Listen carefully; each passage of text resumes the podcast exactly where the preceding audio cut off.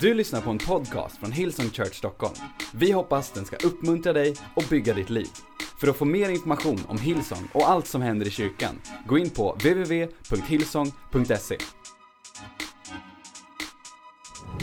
Det jag tänkte predika om idag är att får du titeln så får du poängen. Bevara ditt hjärta. Bevara ditt hjärta.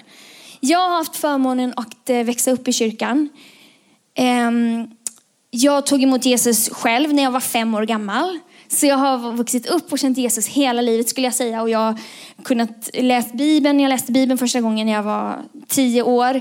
Det kan ha varit för att min mamma, som faktiskt är här idag, utmanade mig och min bror att, en tävling om vem som kunde läsa ut Bibeln först.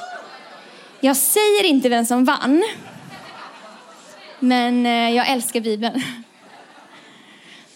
Så ett bibelord som jag tyckte om när jag var liten eh, var Ordspråksboken kapitel 4, vers 23. Och där står så här. Mer än allt som ska bevaras, bevara ditt hjärta, för därifrån utgår livet. Och i the message översättningen på engelska står det That's where life starts.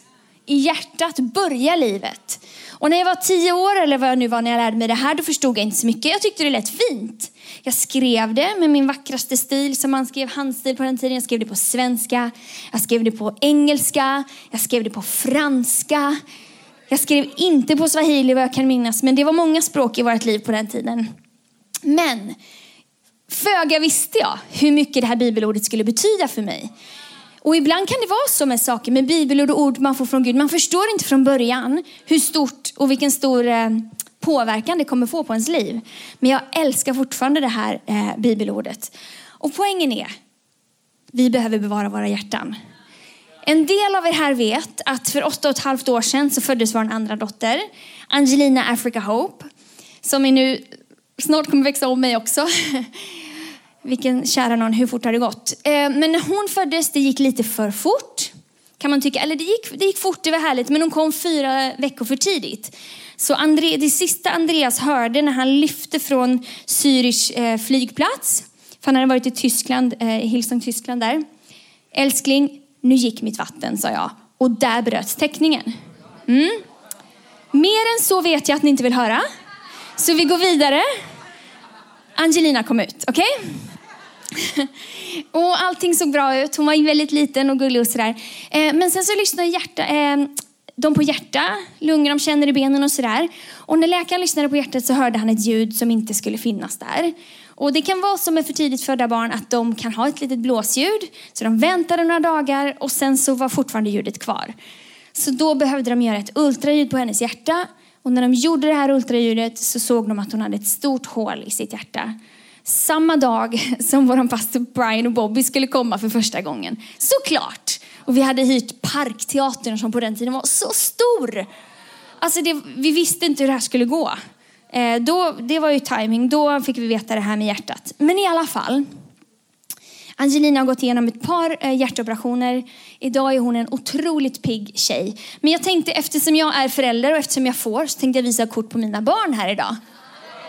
Så först ett kort på, hur, eh, på Angelina och Selina Joe när Angelina föddes. Hon var väldigt liten. De är lite större nu. Och sen om du är känslig kan du blunda nu. Men här är en annan bild på när Angelina var tre och en halv månad gammal. Då gjorde hon sin första operation. Eh, och sen så har vi en bild till. Där hon är lite gladare. Eh, och sen så har vi en bild hur, för ganska nyligen ja. Bibeln säger att ett, ett glatt hjärta har ständigt fest. Eh, det definierar den tjejen kan jag säga. Men vi lär oss ofta att vi ska följa vårt hjärta och lyssna till vårt hjärta. Har ni hört det? En eh, melodifestivalnörd som jag är så kan ju den här lyssna till mitt hjärta. Är det hur många som är lika gamla som mig som har hört den här låten? Jag tror till och med Friends vann svenska melodifestivalen med den va? Och det hade någon sorts rörelse så här. Ja. Eller eh, Listen to your heart. Roxette. Okej, okay, vi tycker om att lyssna på vårt hjärta. Jag säger, lyssna inte på ditt hjärta. För ditt hjärta är så lätt påverkat. Jag vet inte hur du kände, hur var ditt hjärta ledde dig i morse innan du fick frukost, innan du fick din kaffekopp. Jag vet inte hur ditt hjärta kände när du ställde dig på vågen. Jag vet inte hur ditt hjärta kände när du bara, åh, det är bara sju grader idag igen. Vi är så lätt påverkade. Vårt hjärta är så lätt påverkat. Det påverkas av stress, det påverkas av saker vi går igenom. Så jag säger, lyssna inte på ditt hjärta, följ inte ditt hjärta, bevara ditt hjärta. Bibeln säger att vi ska bevara vårt hjärta. Och om Angelina hade lyssnat på sitt hjärta och följt det, då hade hon tynat bort. Vi behövde laga och bevara hennes hjärta. Och det behöver vi göra i livet. Så, livet är säsonger. Och minst hälften av alla säsonger som vi går igenom har vi inte valt själva, eller hur? Vi väljer inte cancerbeskedet, vi väljer inte att en närstående går bort, vi väljer inte kanske att bli av med jobbet, vi väljer inte att vintern ska vara fram till maj. Um, så vi väljer inte det. Men det vi kan välja är hur våra hjärtan påverkas och vad vi gör med vårt hjärta. Så när man är, har ett hjärtebarn, som det kallas, ett barn som har haft problem med hjärtat, då, då blir man lite av en hobbykardiolog. Man lär sig lite basic vad som är med hjärtat. Så det här har jag lärt mig. Hjärtat är en muskel som ska vara aktiv. Om hjärtat stannar eller blir passivt så blir det inte så bra.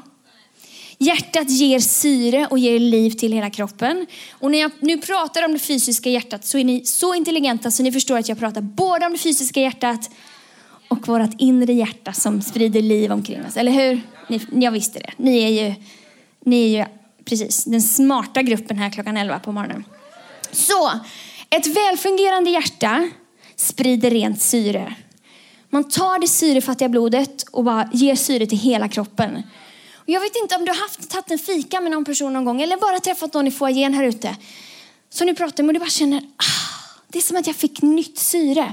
Det, var, jag fick en, det var fräscht, jag känner mig upplyft, jag känner mig full av liv. Det är en person med ett välfungerande hjärta. Man sprider något hälsosamt omkring sig. Ett välfungerande hjärta är också mjukt, inte stelt och hårt, utan är flexibelt. Ett välfungerande hjärta skapar ordning och frid. Tudum. Tudum, tudum. Det blir en härlig ordning, härlig frid. Ett välfungerande hjärta har energi och ger energi. Men däremot ett trasigt eller sjukt hjärta, eh, för det första är att det läcker. Det märkte vi med Angelina. Hon hade ju ett hål, det läckte ju sjukt. Det var bara som en enda stor orkan i hennes hjärta. Men också hennes klaffar läckte lite grann. Och kanske att du har träffat någon sån person kanske inte idag, men på någon fika någon gång. Du bara känner att oh, det bara läcker. Det är som att det skvätter blod fast du inte har bett om det. Du får liksom någon oro bitterhet och vad det än är bara skvätter ut på en utan att man har bett om det. Och det är ett trasigt hjärta. Ett trasigt eller sjukt hjärta blir hårt. När Angelinas hjärta var, eh, inte fungerade som det ska så fick det jobba extra hårt på ena sidan vilket gjorde att faktiskt hjärtat blev lite tjockare där, att det blev hårdare. När våra hjärtan inte är som de ska, då blir de hårda. Ett trasigt eller sjukt hjärta skapar turbulens. Och det var också så i hennes hjärta, det var som en liten virvelvind där. Man skapar bara oro, man skapar kaos på ett negativt sätt. Eh, oh. Och ett trasigt eller sjukt hjärta saknar uthållighet. Man blir trött. Angelina innan, innan hennes första operation, hon var trött. Hon hade inte samma, det var liksom tungt att andas, det var tungt. Och kanske är du här idag och känner att ditt hjärta är trött. Då finns det hopp. Okej? Okay? Så min fråga är, hur mår ditt hjärta idag? Och om vi ska bevara vårt hjärta, vad ska vi bevara vårt hjärta från då? Det finns fyra saker som jag tänker tala om idag, som vi kan bevara vårt hjärta från. Sen ska vi be, sjunga, fika, gå hem klippa gräset, vad vet jag. Eller det är inte riktigt dags kanske. Gödsla kanske. Ja. Det första vi kan bevara vårt hjärta från är rädsla. Rädsla och oro eh, paralyserar. Och jag vet av egen erfarenhet att eh, kaniner kan dö av rädsla. Vi hade eh, jag har haft många kaniner i mitt liv faktiskt. De blir ju fler på något konstigt sätt hela tiden. Men i, när vi, eh, vid ett tillfälle så hade vi en kanin som hette Lille Skutt och en som hette Molly. Lille Skutt smet ur buren en natt. Vi hörde väldigt mycket skator och sen såg vi inte Lille Skutt mer. Stackars Molly, hon hittades stel i sin bur. Det kan hända att hon dog av rädsla för de här stackars katterna som var där. Möss kan dö av rädsla. Jag har hört att hönor kan göra det också. Jag har inte gjort några experiment på det. Men... Så då, då frågade jag mig själv, kan människor dö av rädsla? Ja, enligt Google. För när jag sökte på det här då står det så här. En amerikansk man dömdes 2009 till ett livslångt fängelsestraff för att ha skrämt ihjäl en 79-årig dam som han brutit sig in hos. Damen blev så förskräckt över att se den främmande mannen i sitt hem att hon fick en hjärtattack och dog.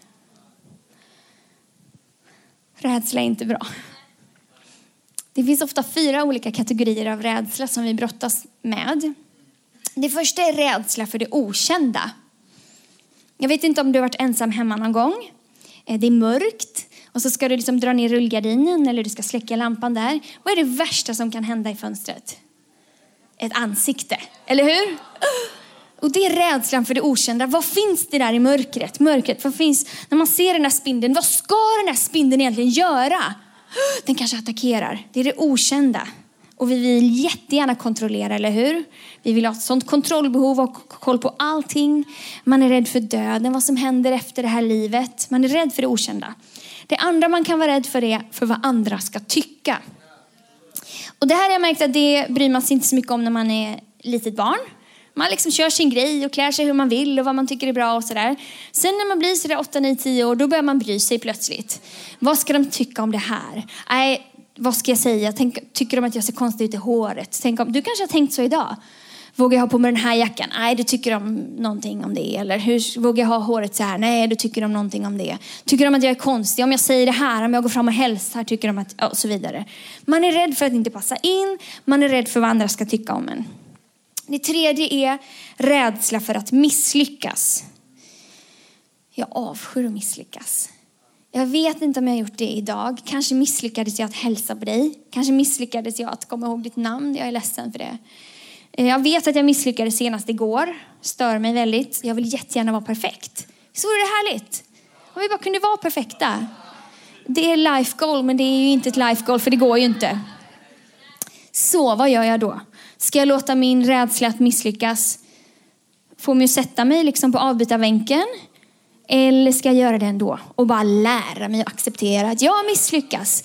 Jag vill inte hindra, eh, hindras av rädsla för att misslyckas och inte följa det Gud som ber mig att jag ska göra. Och det jag har märkt som jag sa, alltså, det här som vi gör, det har jag inte gjort innan.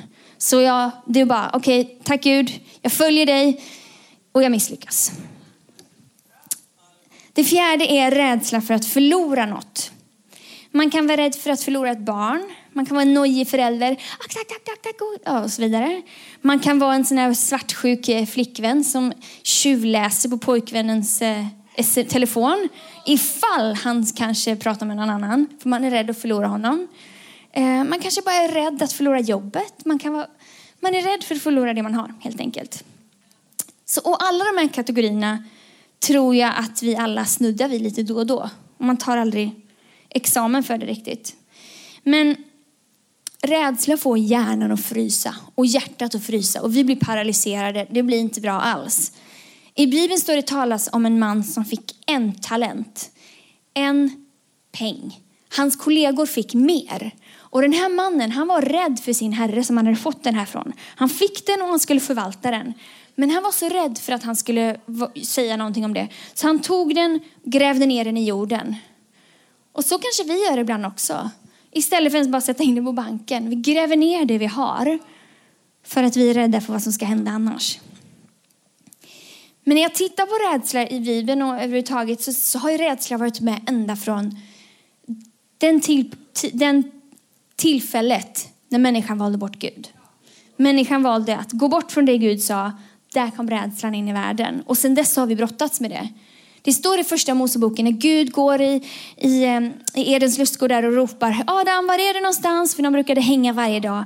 Men den här gången så hade Adam gömt sig i buskaget och sa Jag var rädd och skämdes. Där kom det. Och sen dess så har vi haft en fight mot rädslan. Så undra om det är därför som det står var inte rädd. Igen och igen och igen och igen i Bibeln. Ängeln säger det till Maria när hon ska föda Jesus. Var inte rädd. En ängel säger det till Elia. En ängel sa det till Paulus.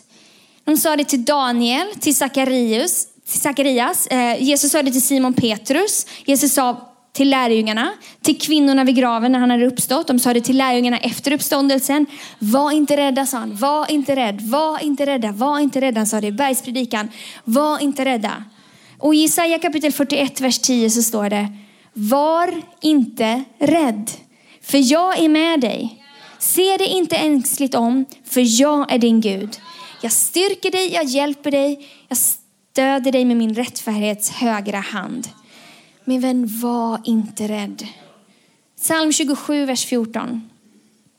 Hoppas på Herren, var stark och modig i ditt hjärta och hoppas på Herren.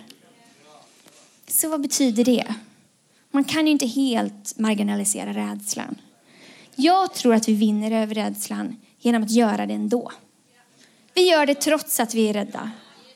Att inte tillåta att rädslan paralyserar och kontrollerar oss. Utan do it afraid finns det ett engelskt uttryck. Gör det rädd. I Hebreerbrevet kapitel 10, vers 35 så står det att så kasta inte bort er frimodighet för den ger stor lön. Har ni hört den här fantastiska låten You called me out upon the waters Spirit lead me ut på vattnet. Jag vill gå på vattnet. Jag vill följa dig. Det låter så romantiskt, eller hur? Det låter så härligt, särskilt med de här tonerna. Det är inte så romantiskt när det väl kommer till kritan.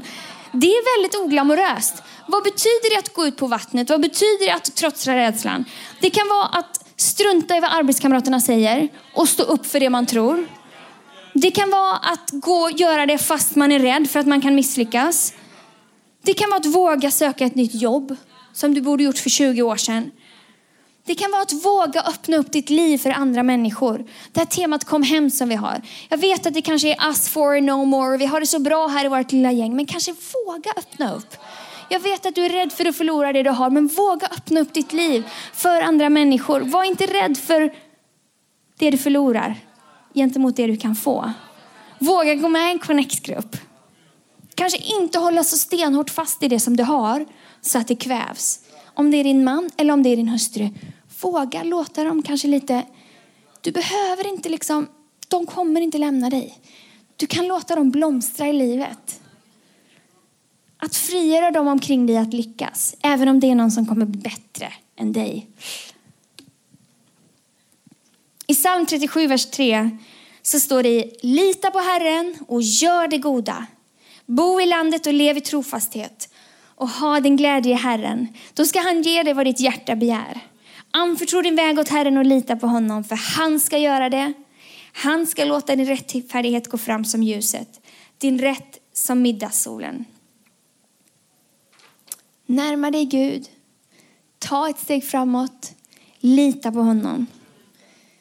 Och rädsla, ofta är vi ju rädda för något som inte finns. Det är ju tragiskt, eller hur? Vi är rädda för någonting som finns i vår hjärna bara. Men hur kan vi låta bli att vara rädda? Det står så bra i Filipperbrevet kapitel 4, vers 6-7. 6 7. Bekymra er inte för något, utan låt Gud få veta alla era önskningar genom bön med åkallan med tacksägelse. Då ska Guds frid, som övergår allt förstånd, bevara era hjärtan och era tankar i Kristus Jesus. Hej då rädsla. Vi går framåt ändå. Okej, det andra området som vi kan bevara vårt hjärta från, det är bitterhet. Jag vet, härliga punkter idag en söndag morgon. Rädsla, bitterhet. Är du inte glad? Tänk att det är med mycket kärlek som det här sägs. Ett bittert hjärta blir väldigt hårt. Ehm, och det är okej. Okay. Som jag sa, livet händer och säsonger är säsonger och det är okej okay att bli ledsen. Det är okej att bli sårad. Det är okej att, eh, att vara besviken över saker. Men när vi låter det sjunka ner och blir till bitterhet, då blir det inte fräscht. Det blir inte bra. I Ordspråksboken kapitel 5 och vers 4 står det om bitterhet. Men till sist blir hon bitter som malört, skarp som ett tveeggat svärd. Hennes fötter styr ner mot döden, till dödsriket drar hennes steg. På livets väg tänker hon inte, hennes stiga leder vilse utan att hon märker det. Om du låter bitterhet slå rot i ditt hjärta, då går du liksom långsamt mot döden utan att du, utan att du märker det. Du ger inte liv, du sprider inte liv omkring dig. Och jag har, precis som du säkert har, jag har blivit sviken av människor i livet. Människor som jag litade på, som gjorde kanske oförlåtliga saker. Jag har upplevt smärta, jag har upplevt sorg. Men vi måste lära oss att dela med det. Vi måste lära oss att hantera det. Att inte ge utrymme för bitterheten att smyga sig in. I Efesierbrevet kapitel 4, vers 31 så står det att lägg bort all bitterhet, häftighet och vrede, allt skrikande, första raden, och förolämpningar, nej då, och all annan ondska. Var istället goda och barmhärtiga mot varandra och förlåt varandra, så som Gud i Kristus har förlåtit er. Jag vet hur svårt det kan vara att säga förlåt. Det har jag lärt mig av mina barn om inte annat. Särskilt säga förlåt som man menar det. För ett förlåt, förlåta, det är liksom mycket lättare än förlåt. Men vi behöver förlåta. Och jag vet att det är lättare sagt än gjort. Ehm, men vi behöver förlåta. Du kanske behöver förlåta din partner. Även om det han gjorde var oförlåtligt eller hon gjorde var oförlåtligt. Förlåta dina föräldrar för vad de sa eller gjorde. Förlåta någon som svek. Kanske förlåta dig själv. För att du svek dig själv. Och som sagt, även om de här personerna aldrig ber om förlåtelse så för din skull så behöver du förlåta. Välja förlåtelse för att du ska ha ett helt och friskt hjärta. Ja, nu kommer den tredje härliga området vi kan beskydda vårt hjärta från. Självupptagenhet. Mm. Ja. Självupptagenhet har ju ofta två generella diken. Det ena är ju det här eh, offermentalitet. Det är synd om mig. Det är synd om mig. Och som, som förälder kan det tycka kännas lite otacksamt ibland, eller hur? Man gör allt det här. Hallå, jag har gett min kropp. Hallå, den är inte alls likadan. Jag, har gett, jag, ger, jag vaknar varje morgon liksom och ger dig frukost varje dag. Och så här. De är så otacksamma och det är så synd om mig. Eller kanske människor har sårat dig. Ja, det är så synd om mig och så vidare. Åh, varför händer det alltid mig? Det händer ju inte alla andra, det händer ju alltid mig. Och nu sätter jag mig här i min mysdress och äter Ben Jerrys bästa glassen i världen och jag tycker synd om mig och här minsann tänker jag krypa upp för jag är ett offer i världen. Och det är så synd om mig och så vidare. Det andra diket, det är ju eh, högmod, stolthet. Det är så viktigt. Jag är väldigt viktig. Det är viktigt att jag lyssnar på vad jag behöver och på vad jag tycker. Och jag vet att ni alla kära Facebook-vänner vill veta vad jag har att säga om den här saken. Du vill jättegärna ha min kommentar, eller hur? För jag förstår att ja, jag är väldigt viktig. Lyssna på mig. Ja, du förstår poängen. Två diken. Och vi kan hamna där allihopa. Men i jobb, Jobb var en person som hade det väldigt jobbigt. Det var inte meningen. Eh. Jobb hade det väldigt jobbigt. Eh, han förlorade hela sin familj. Han blev sjuk, han fick någon sorts bölder på kroppen. Alla hans vettiga vänner verkar ha lämnat. För de som kom till honom, de verkar inte kloka. Och till slut så blir Jobb eh, frustrerad på Gud och säger, hallå, vad i hela friden är det frågan om? Då kommer Gud. Jag antar att Jobb befann sig på offermentaliteten, liksom att, hallå. Då säger Gud så här i Jobb kapitel 38 och vers 4. Jobb. Var fanns du när jag la jordens grund? Svara om du nu har så stort förstånd. Eh, Vem har bestämt hennes mått? Du vet ju. Vem spände mätsnöret över den? Eh, var fick hennes grundpelare sina fästen? Någon som kan svara?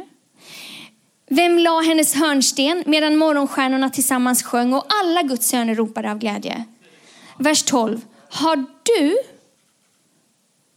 sedan dina dagar började befallt dagen att gry och anvisat morgonrodnaden en plats?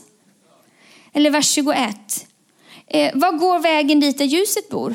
Och mörkret, var har det sin boning? Så att du kan föra dig till dess gräns och finna stigarna till dess hus. Ja, du vet ju, för du var ju född då. Och dina dagars tal är stort. Vers 31.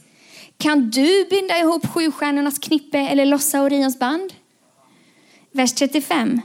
Kan du befalla blixtarna så att de går ut och säger till dig, här är vi? Perspektiv. Ibland. Jag vet att det kanske finns anledning att tycka synd om sig själv. Det, det har vi alltid, eller hur? Det kanske finns en anledning att tänka, lyssna någonting på vad man har för, liksom, vad som handlar om mig. Men lite perspektiv kan bota oss från båda de här dikena. Gud är Gud och inte jag. Till en början. Jag kanske inte förstår varför människor har gjort det här för mig. Och så vidare. Men Gud är Gud. Vi behöver lite perspektiv. Och då svarar Job, han får perspektiv i vers 42 och vers 2. Okej okay, Gud, I'm sorry. Jag vet att du förmår allt. Inget som du beslutar är omöjligt för dig. Vem är den som döljer ditt råd utan förstånd? Jag har ju ordat om vad jag ej begrep. Om sådant som var för underbart för mig och som jag ej förstod. Lyssna nu, så vill jag tala, för jag vill fråga dig och du må ge mig kunskap.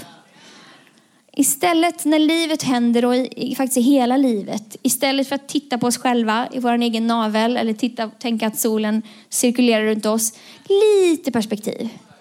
Bibeln säger att eh, människans liv är som en vindpust. Där är den borta. Men Gud, han har funnits för alltid. Han har funnits igår, idag och han kommer alltid finnas. Så lite perspektiv idag. Lite perspektiv. Härligt. Hälsosamt, eller hur? Och I Romarbrevet kapitel 12 och vers 3 så står det här om högmod. I kraft av den nåd jag har fått säger jag till var och en av er, ha inte högre tankar om er själva än ni bör. Utan tänk förståndigt efter det mått av tro som Gud har tilldelat var och en. Och det är inte min mening idag att trampa på dina stortår. Jag kanske gör det. Kanske du behöver dra in dem. Jag fattar, att, jag fattar att livet händer och att livet är på olika sätt. Men ibland är det bara bra med lite perspektiv, eller hur? Gud är Gud, jag litar på dig, jag lyssnar på dig Gud. Okej, fjärde området. Lögn. Vi behöver bevara våra hjärtan från lögn. Och då menar jag inte om du ljuger eller inte. Utan då menar jag den lögnen som du har gått på. För precis som jag pratade om, ända sedan Adam och Eva valde en annan väg från Gud så är det två lögner som vår fiende har försökt så in i våra hjärta och försöker göra det hela tiden. Det ena är lögnen om vem Gud är eller inte är. Det andra är lögnen om dig eller mig, vem jag är. Det vill säga Gud, är han verkligen så god? Skulle Gud verkligen ha sagt, sa fienden i första Mosebok. Jag vet att Gud bryr sig om eh, de som sitter på första raden här. Men bryr han verkligen om mig som sitter på femte raden? Och jag vet att jag har hört att Gud kan hela människor, men mig kan han väl ändå inte hela. Och skulle Gud verkligen kunna förlåta mig? Det är liksom om Gud. Kan Gud verkligen? Vill Gud verkligen? Det andra är jag. Är jag tillräcklig? Duger jag? Ser jag tillräckligt bra ut? Är jag tillräckligt kapabel? Är jag verkligen älskad? Är jag verkligen nog? Och så börjar vi jämföra oss med varandra. Kanske att du har jämfört dig med någon här redan idag. Oh, om jag bara hade hans muskel här. Vad vet jag? Om jag bara hade sådana snygga skor. Sånt härligt leende, vad vet jag. Och så blir vi osäkra, så fylls vi med skam och så blir vi avundsjuka. Men här är ett ord till dig som funderar på om du är tillräcklig. Predikaren kapitel 9, vers 7. Ät ditt bröd med glädje och drick ditt vin med glatt hjärta. Gud, är redan nöjd med det du gör. Gud är redan nöjd med det du gör. När du vaknar på morgonen, då är Gud som en sån där fånig förälder. Pushy, pushy, push, kolla vad underbar. Jag vet, om du är liksom 55 och man så känns det där lite märkligt. Men så stolt är Gud över dig från början. Du är älskad. Han tycker du är helt fantastisk.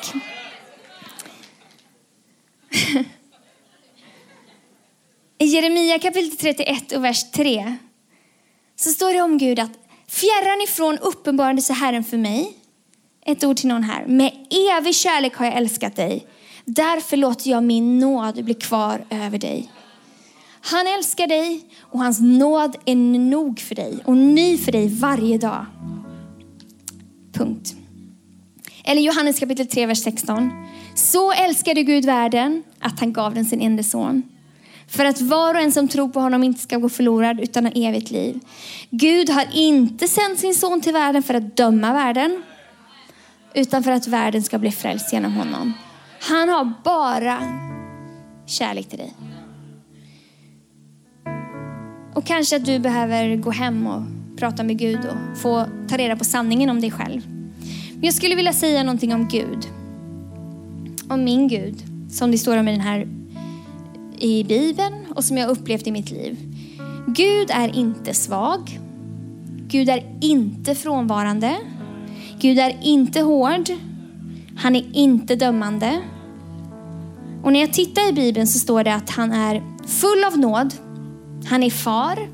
Han är allsmäktig. Han har all makt i himlen och på jorden. Gud är levande. Gud är evig. Gud är högst.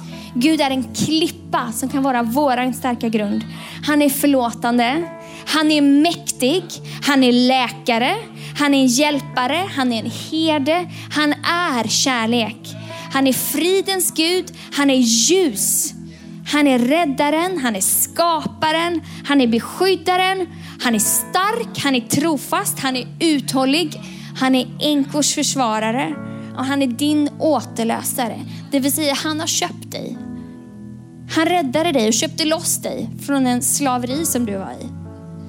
Från Gud. Så, han är Gud. Han är Gud för dig, han är Gud med dig och i dig. Och det är sanningen min vän.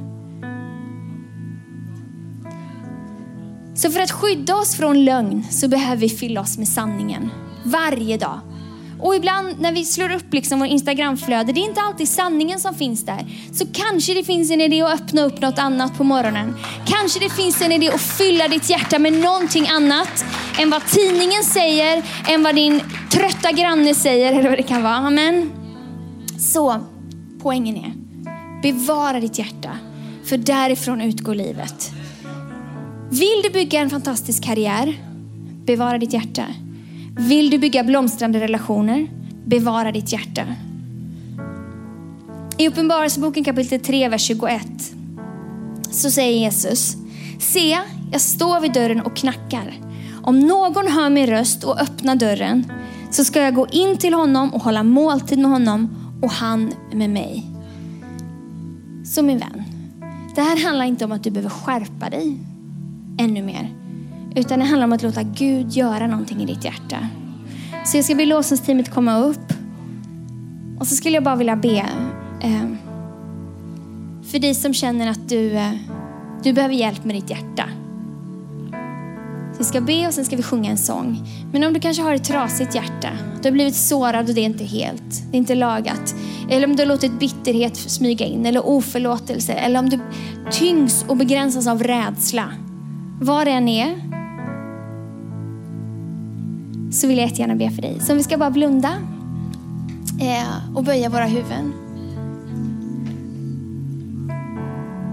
Jag kommer inte ta fram, jag kommer inte peka ut er. Inget team tittar heller. Det här är helt onödigt. Utan jag vill bara be för dig som känner att du behöver att Gud gör någonting med ditt hjärta idag. Att det här budskapet har talat till dig. Du kan räcka upp din hand nu precis på en gång så ska jag be för er. Det är många händer som går upp. Amen. Jag väntar några sekunder till. Amen. Du kan ta ner handen igen. Jag tackar dig Gud för varje person som har räckt upp sitt hjärta. Jag tackar dig Gud för att du går in i våra hjärtan. Att du gör någonting med din kraft. Tack för den du är Herre. Tack för din kraft. Tack för din närvaro. Tack för din kärlek och din frid som övergår allt förstånd. I Jesu namn. Amen. Ska vi göra så att vi ställer oss upp och lovsjunger Gud tillsammans. Amen.